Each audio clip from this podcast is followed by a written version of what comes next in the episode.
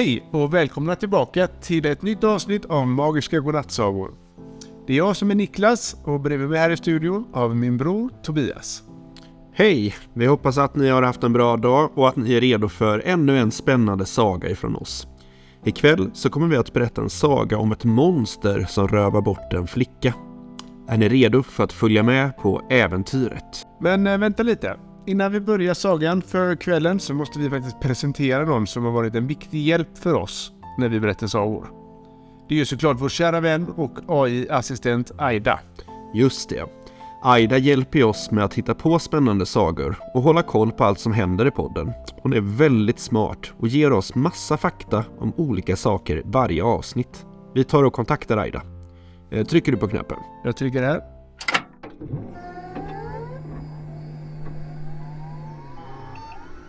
Hej Niklas och Tobias.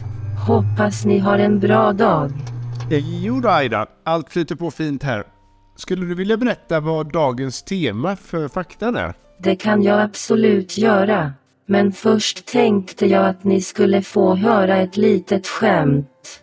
Vet ni varför citronen är gul? Nej, det vet inte jag i alla fall. Nej, inte jag heller. Det vet inte citronen heller. Det är därför den är så sur. Haha, det var skojigt. Men eh, nu vill, nog, vill vi nog faktiskt veta vad dagens fakta är. Vad är det vi ska få lära oss om idag? Dagens tema är naturens underverk. Det finns många fantastiska saker i världen som kan få oss att ställa oss frågande. Jag skriver ut en lista till er. Den kommer här.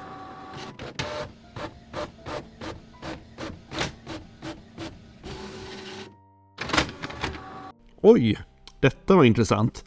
Massa spännande fakta om naturens underverk. Vill ni veta vad det står? Spetsa öronen, för här kommer en massa fakta. Det högsta berget i världen är Mount Everest som ligger i Nepal och det mäter hela 8848 meter över havet. Den djupaste sjön i världen är Baikalsjön i Ryssland som är 1642 meter djup. Den längsta floden i världen, det är Nilen och den rinner genom Afrika och är hela 6671 kilometer lång. Världens största ö, det är Grönland och den är drygt 2 miljoner kvadratkilometer stor. Det högsta vattenfallet i världen, det är Angelfallen i Venezuela som är 979 meter från topp till botten. Spännande. Naturens underverk är verkligen något som kan få oss att tappa hakan. Men nu ska vi faktiskt göra något som är ännu mer spännande. Och det är att läsa upp dagens godnattsaga. Och idag så är det femåriga Olle från Västerås som önskat en saga. Han skrev till oss att han ville höra en saga om ett monster som rövar bort en flicka. Och eh, han vill att flickan ska bo i ett hus med en mormor, farmor och en morfar. Och i sagan ska morfan kissa på sig när det knarrar i dörren. Och i slutet så ska de hitta flickan och monstret ska hamna i fängelset. Det låter ju verkligen som en utmaning för Aida att ta sig an. Hej Aida! Kan du skriva ihop den här sagan som eh, Olle bad om? Okej, här kommer den.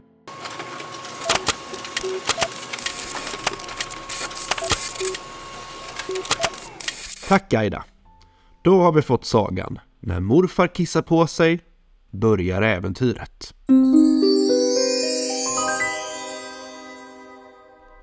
En kväll i ett litet hus på en kulle bodde en flicka tillsammans med sin mormor, farmor och morfar. Flickan hade ljust hår och blåa ögon och var mycket snäll mot alla som hon träffade. Men en natt så skulle hennes värld förändras. För alltid. Det knarrade plötsligt till i dörren och morfar, som sov i en gungstol vid eldstaden, vaknade med ett ryck. Han blev så rädd att han omedvetet kissade på sig. Detta gjorde att mormor och farmor vaknade och började skrika. Men ingen visste vad som hade orsakat det där plötsliga ljudet. Var det ett monster? En inbrottstjuv? Eller kanske bara en gammal trasig dörr? Ingen visste, men mormor och farmor bestämde sig för att undersöka saken. Försiktigt öppnade de dörren och tittade ut, men ingenting verkade vara där. Plötsligt så hörde de ett rop från flickans rum. De skyndade dit så fort de kunde och när de kom dit så var flickan spårlöst försvunnen. Vad har hänt? skrek mormor. Vad är vår lilla flicka? Morfar, som fortfarande var våt i byxorna av sitt olyckliga olycksfall, såg allvarligt på dem. Eh, jag tror det var ett monster som har rövat bort henne, sa han. Vi måste hitta henne innan det är för sent. Mormor, farmor och morfar började genast leta efter flickan. De ropade på henne och letade i varje rum, men hon fanns ingenstans. De började bli riktigt oroliga, men de bestämde sig för att inte ge upp. Plötsligt så hörde de ett nytt ljud, nu utanför huset. De gick försiktigt ut och såg till sin förvåning ett stort grönt monster som stod där. Monstret hade flickan i sin famn och verkade inte alls vilja släppa taget om henne. Ge oss tillbaka vår lilla flicka, ropade mormor och farmor. Du har ingen rätt att röva bort henne. Men monstret bara skrattade åt dem och sa Jag har gjort det här för att jag är trött på att vara ensam. Nu har jag äntligen en liten vän att leka med. Morfar, som fortfarande var rädd, började plötsligt gråta. Vad ska vi göra? snyftade han. Vi kan inte bara låta det här monstret ta vår flicka. Men mormor och farmor tänkte inte ge upp så lätt. De började fundera på hur de skulle kunna få tillbaka flickan utan att riskera att bli skadade själva. Efter en stund så kom de på en idé. De gick tillbaka in i huset och hämtade en stor korg med godis.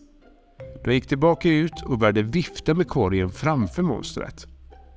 Titta! Vi har massor med godis här, sa mormor och farmor. Om du ger tillbaka våran flicka kan du få allt det här godiset. Monstret tittade intresserat på korgen med godis och började genast vanka av och an. Det verkade som om monstret faktiskt tänkte på erbjudandet. Efter en stund så räckte monstret till slut tillbaka flickan till mormor och farmor och tog sedan tacksamt emot korgen med godis. Flickan grät av lyckan och hon återfördes till sin familj. Morfan, som fortfarande var rädd, men också tacksam, började gråta av lycka. Åh, tack så mycket, sa han till monstret. Vi är evigt tacksamma för att du gav oss tillbaka vår lilla flicka.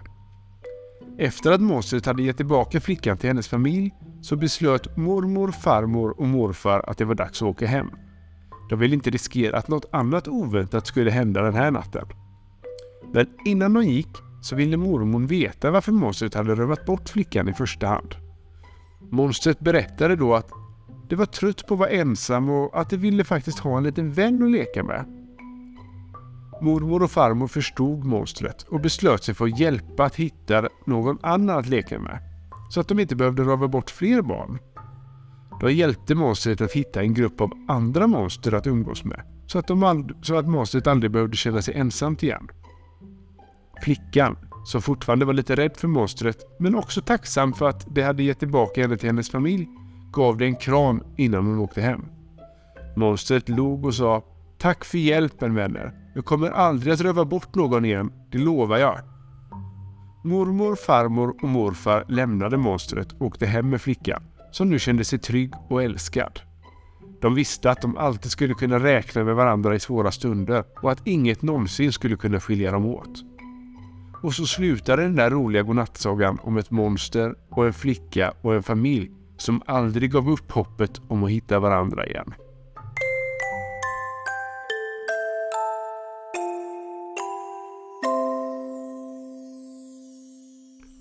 Det var dagens godnattsaga. Lika bra som vanligt. Tack för hjälpen Aida. Imorgon så blir det en spännande borsta tänderna-saga. Glöm inte att lyssna då igen. God natt, sov så gott. God natt. Vi hörs imorgon.